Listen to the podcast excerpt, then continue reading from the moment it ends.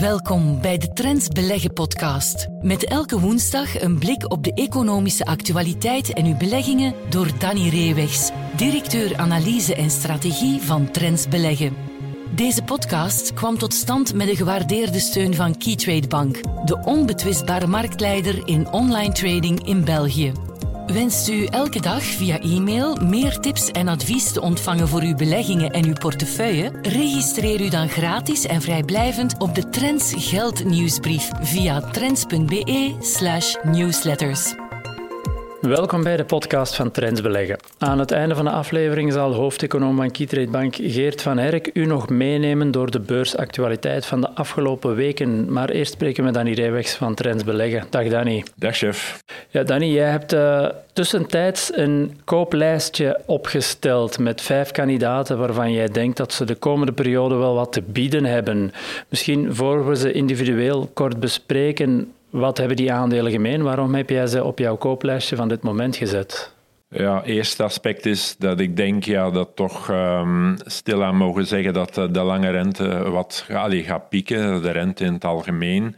Natuurlijk nu wel een opstoot van de olieprijs, hè, dat, dat zet nog wel wat druk. Hè, die doet het inflatieverhaal uh, toch zeker nog niet naar de achtergrond. Maar toch algemeen uh, denk ik wel dat uh, wat de centrale banken aan tenslotte, de Europese Centrale Bank heeft voor de tiende keer, tiende keer ja. al de rente verhoogd in, uh, in een goed jaar tijd. Dus dat is toch wel iets dat ik nog niet heb meegemaakt op, op zo'n korte tijd. Ja. Um, dus dat moet toch wel, en dat zie je toch ook wel, en dat hoor je ook wel bij bedrijven, ja, dat zet toch wel druk op de vraag zet toch wel de nodige druk. Dat moet toch wel wat resultaten geven. Dus dat is een aspect waar we naar gekeken hebben. En natuurlijk, waardering blijft. Uh, ja. En zeker, uh, er zitten een paar aandelen bij die uh, ja, recent toch aantonen dat ze terug aan het groeien zijn, maar dan nog dat uitzicht nog niet in een waardering. Vandaar dus vijf waarden die een tussenspurt, zoals ze dat zeggen. Ja. Dus op de vraag van, ja, allez, ik heb nu wat geld vrij, wat moet ik nu kopen? Natuurlijk, je moet in hele portefeuille kijken en niet uh, dat laten afhangen van één of twee waarden die je nog bijkoopt. Maar algemeen, om op die vraag te antwoorden, is dit uh, zo'n selectie die je op dit moment kan geven. Ja, om er snel even door te lopen, welke zijn jouw vijf waarden dan? Um, beginnen doen we met Cofinimo. Ja, dat is een typisch rentegevoelig uh, waarde. Ja. Uh, is heel zwaar onderuit gegaan hè, door uh, al die inflatieopstoot.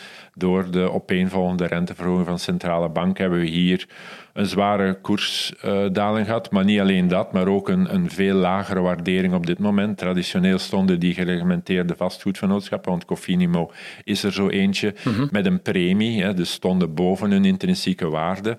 Nu staan ze daar ver onder. Bij um, Cofinimo is ongeveer een derde onder de intrinsieke waarde. Dus je moet al minder betalen dan wat het op dit moment waard is. Dus er zit toch al wel wat rentestijging in.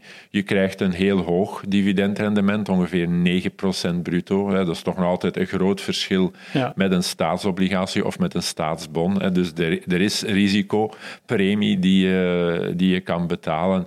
En uh, we denken dat uh, de kans op een snelle kapitaalverhoging, hè, want we hebben dat wel gehad bij een aantal anderen, hè, om, uh, bijvoorbeeld Xior of Aidifica, niet te vermelden ook WDP, ja, die denk ik zit er niet onmiddellijk aan te komen bij Cofinimo, maar natuurlijk, ja, dat zal dan onder de koers gebeuren. En ja, dan heb je natuurlijk wel weinig koerspotentieel op korte termijn. Dus die elementen zien we niet. Ja. Bovendien, ja, dit is al meer dan 70% zorgvastgoed.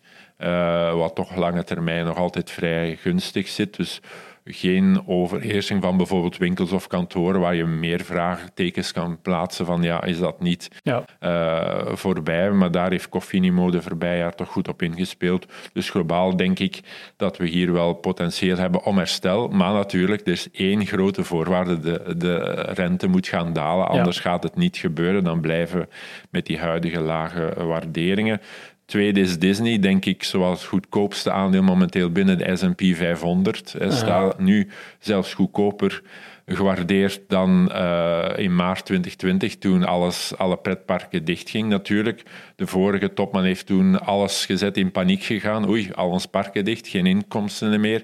heeft toen alles gezet op de streaming, op Disney+. Plus. Ja. Is dat, heeft dat te enthousiast gedaan, in die zin te lage prijzen. Wel abonnees gewonnen, maar alleen maar heel veel geld verloren. Dus CEO Bob Iger, die lang, anderhalf decennium, heel succesvol was bij Disney, uh, is dan terug aan boord gekomen. Probeert dat nu brutaal om te gooien. Uh, Dat weegt nu op het aantal abonnees, maar de prijzen gaan wel omhoog. En hij wil volgend jaar zorgen dat die uh, activiteit geen verlies meer draait. Alleen, ja, de markt zegt, maar je doet dat wel heel uh, brusk en we willen het allemaal nog wel zien of dat, dat lukt. Vandaar het aandeel heeft nog geen Eiger-effect gehad. Het blijft onder druk staan en is dus momenteel heel, uh, heel goedkoop. Ja. EVS eh, e ja, zien we dat dat aandeel terug een groeiprofiel krijgt. 2023, zowel in, in omzettermen als in resultaattermen en vooral ook marge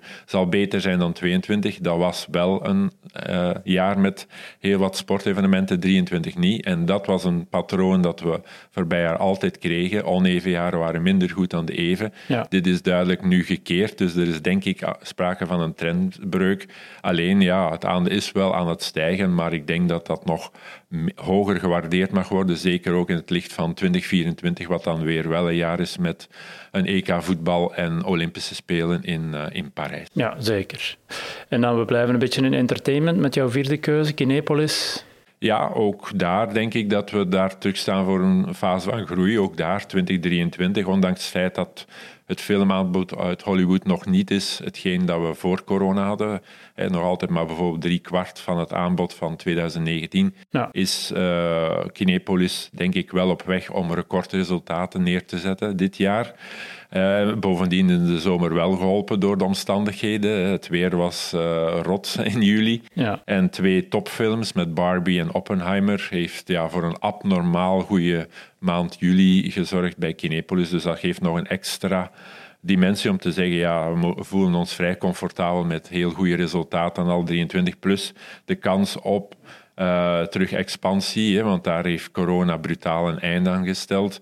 Dat kan terug hernomen worden vanaf uh, volgend jaar vooral, denk ik. En dat zijn toch perspectieven om te zeggen dat dit aandeel toen stond het 60, nu staat 45. Ja, eh, misschien was het toen wat duur is misschien nu wat goedkoop en mag er nog verder herstel zijn. En tenslotte uh, nog rentegevoelige aandelen zijn aandelen van edelmetalen. Mhm. In relatieve termen zijn goud en zilver heel goedkoop, ook ten opzichte van de goud- en zilverprijs zelf.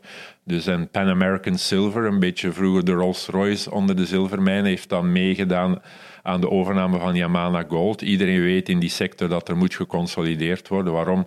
Omdat eh, de output altijd maar minder wordt. De mijnen zijn ouder en ouder, moeten nieuwe projecten komen, moet samengewerkt worden. Alleen ja, als een bedrijf het doet, dan vindt de markt dat niet goed, want ja, men vindt dat het altijd te veel is.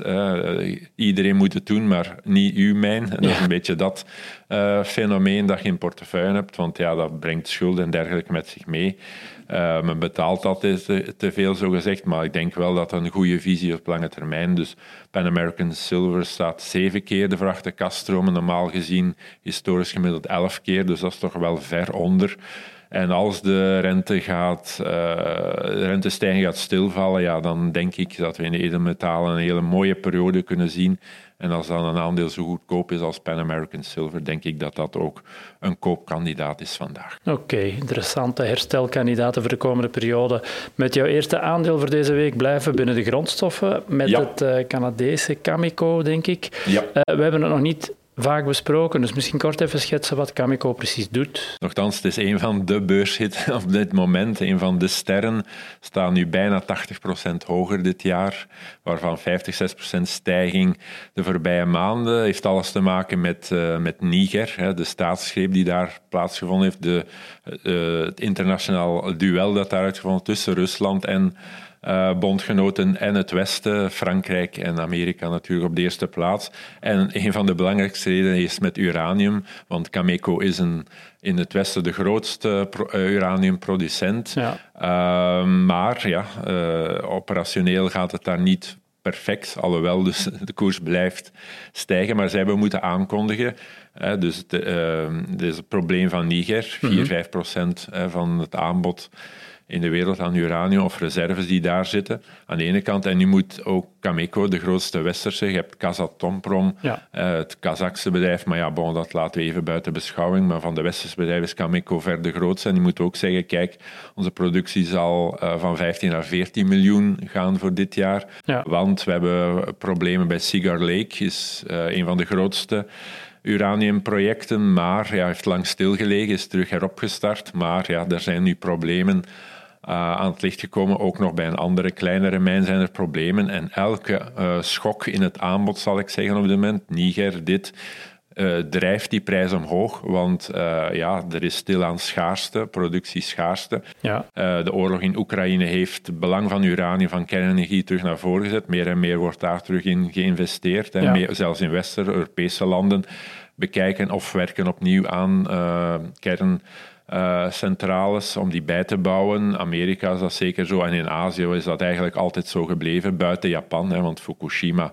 heeft een megacrisis veroorzaakt in de uraniumsector, maar die ligt duidelijk achter ons. Ja. En dat is een grote ommekeer en dus zien we daar toch wel uh, grote stijgingen op dit moment. Ja, want die uraniummarkt, zeg jij, er is nu schaarste. Het is lang, ja. lang anders geweest. Ja. Um, hoe zie jij dat de komende jaren op lange termijn evolueren en ook het evenwicht tussen de kopers en de verkopers, wie daar aan het langste eind trekt? Ja, uh, na Fukushima 2011 hebben we ja, bijna tien jaar rampjaren gehad. Hè, en een heel, heel, heel slechte periode voor uh, de sector van de uraniummijnen. Uh, koersen allemaal compleet onderuit gegaan. Compleet, dan bedoel ik echt 80, 90 procent of meer. Mm -hmm. uh, en dus de nutsbedrijven, de, de giganten daar in een absolute luxe positie. Ze konden altijd maar de prijs verlagen in contracten, want ja, de producenten hadden die contracten nodig om te overleven en hm. moesten altijd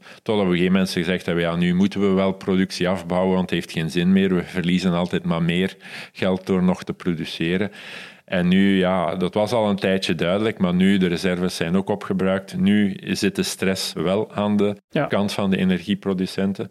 En uh, zit de luxe positie aan de kant van de uraniummijnen die kunnen zeggen, oké, okay, nu uh, gaan, uh, moeten, jij, moeten jullie wel meer betalen als je nog een lange termijn contract wil, want de prijzen moeten verder omhoog om nieuwe projecten op te starten of bestaande projecten uit te breiden.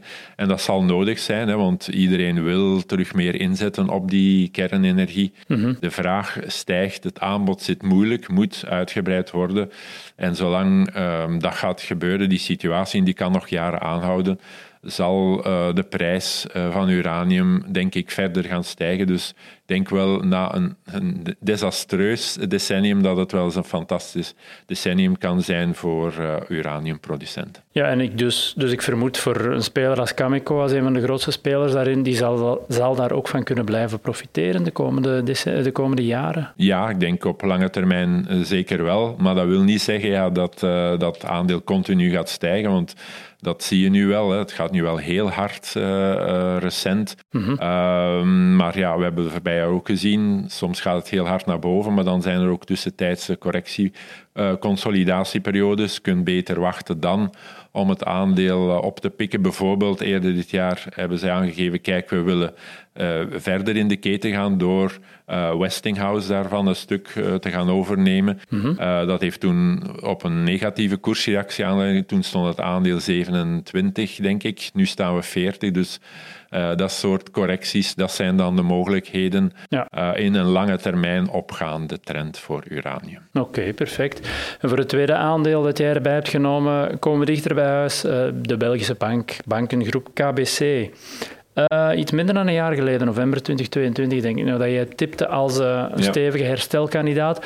En sindsdien is de koers stevig hersteld, maar daarna ook weer teruggevallen, weer ja. hersteld. Het is heel grillig geweest. Ja, hoe verklaar je dat? Wat zijn de ontwikkelingen van het afgelopen jaar met KBC geweest? Ja, je moet eigenlijk zeggen dat, dat die naschok van de financiële crisis, van de bankencrisis, ja, die een existentiële crisis was. Ook KBC was toen, is toen voor een stuk gered moeten worden ja. door de, de Belgische uh, overheid en de Vlaamse overheid. Dus dat is toch nazender. En eigenlijk hebben sindsdien bankaandelen nooit meer een normale, allez, een marktconforme waardering gehad. Zijn eigenlijk altijd goedkoper gebleven ja. dan de markt. En dat is eigenlijk vandaag ook nog het geval.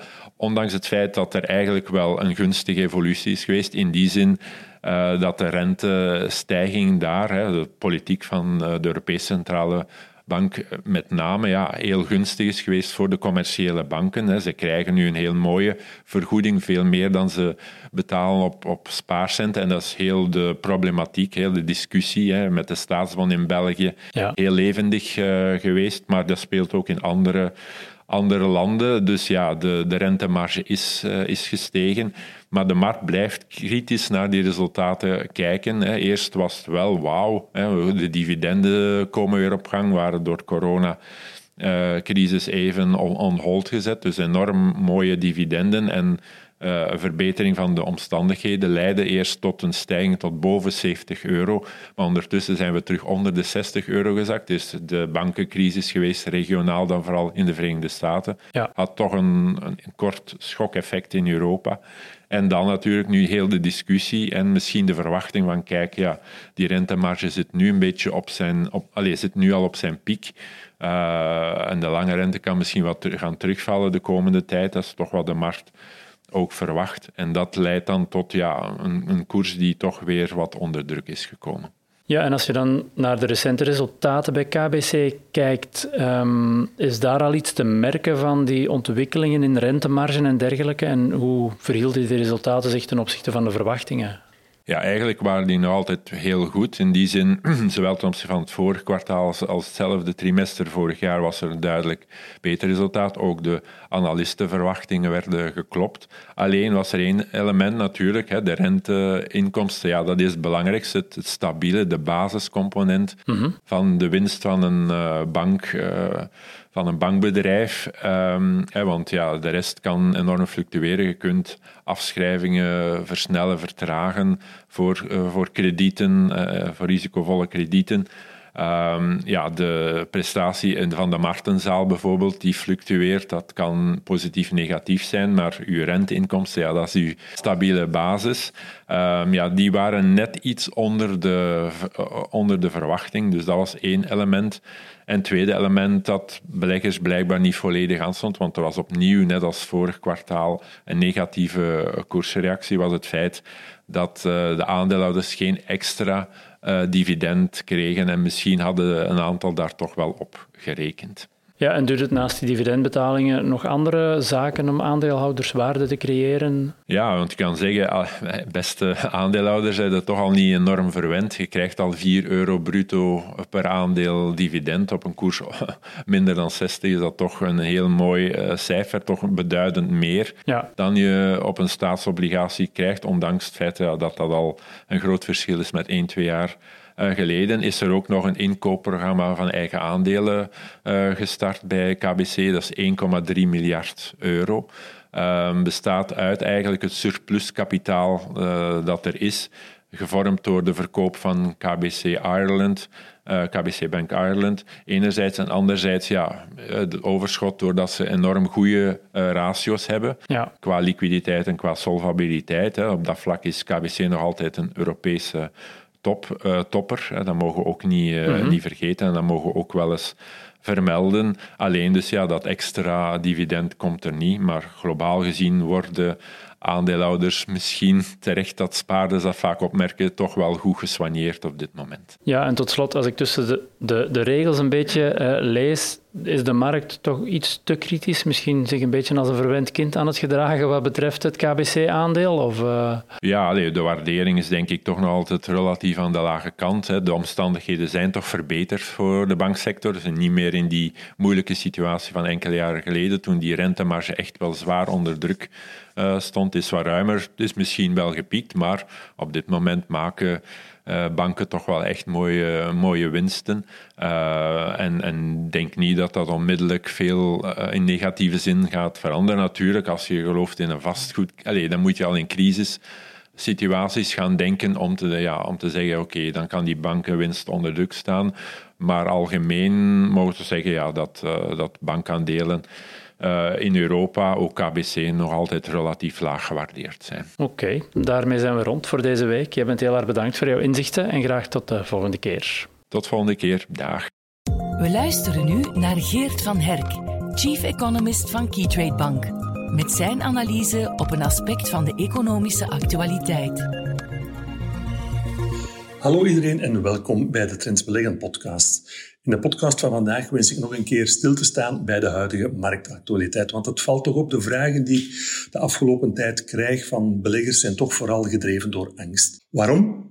Omdat we inderdaad duidelijk zien ja, dat de wereldeconomie eh, aan het vertragen is. De recente PMI, eh, vertrouwensindicatoren, die tonen eigenlijk allemaal eh, in de wereld, in de Verenigde Staten, in Europa, in China, allemaal een, een terugval aan van de economische activiteit. Dus het is duidelijk, de, de macro-economische omgeving is niet meer zo sterk als bij het begin van dit jaar.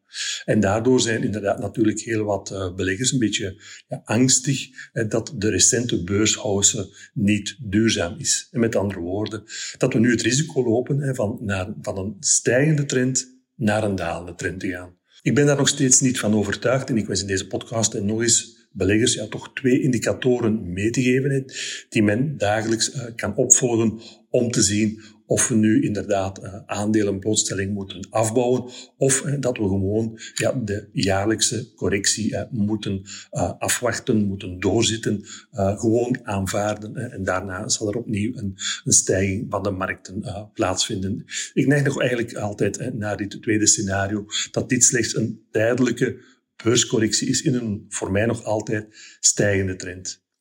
Goed, welke indicatoren kan de belegger dagelijks volgen om te zien, nemen de risico's op de financiële markten toe, ja of nee? Een eerste ratio hè, waar we naar kijken is bijvoorbeeld het verloop van uh, high-yield bonds, hè, hoogrenderende obligaties, hoogrendementsobligaties, ten opzichte van traditionele staatsobligaties. En daar zien we, zeker in de Verenigde Staten, maar ook in, uh, in Europa, dat op dit moment high-yield obligaties nog altijd beter presteren dan de traditionele staatsobligaties. Staatsobligaties die we nog altijd een beetje beschouwen als vluchthavens in tijden van verhoogde marktvolatiliteit. Dus we zien zowel in de Verenigde Staten als in Europa dat die high-yield bonds nog altijd goed presteren. Dat betekent op dit moment dat beleggers nog altijd risico verkiezen. En moesten zij dat niet doen, ja, dan zouden zij natuurlijk high-yield bonds verkopen om te shiften naar uh, traditionele staatsobligaties, om daar beschutting te zoeken. Dus dat gebeurt op dit moment niet. En dat is al voor mij een eerste indicator om te zeggen van ja, kijk, we zien eigenlijk geen verslechtering van de risicoappetijt onder beleggers. Als individuele belegger kan je dat bijvoorbeeld opvolgen door eens regelmatig te kijken naar de trigger HYG. Dat is de, de trigger die de Amerikaanse high-yield obligaties volgt. En dat is een goede parameter, een goede indicator om te zien uh, hoe het sentiment is uh, onder uh, beleggers. Dus als u daar nog altijd een stijgende trend ziet in die high yield trigger, ja, dan is er denk ik op dit moment nog geen vuiltje aan de lucht om te gaan zeggen van ik moet nu risico afbouwen, want de volatiliteit zal beginnen toenemen.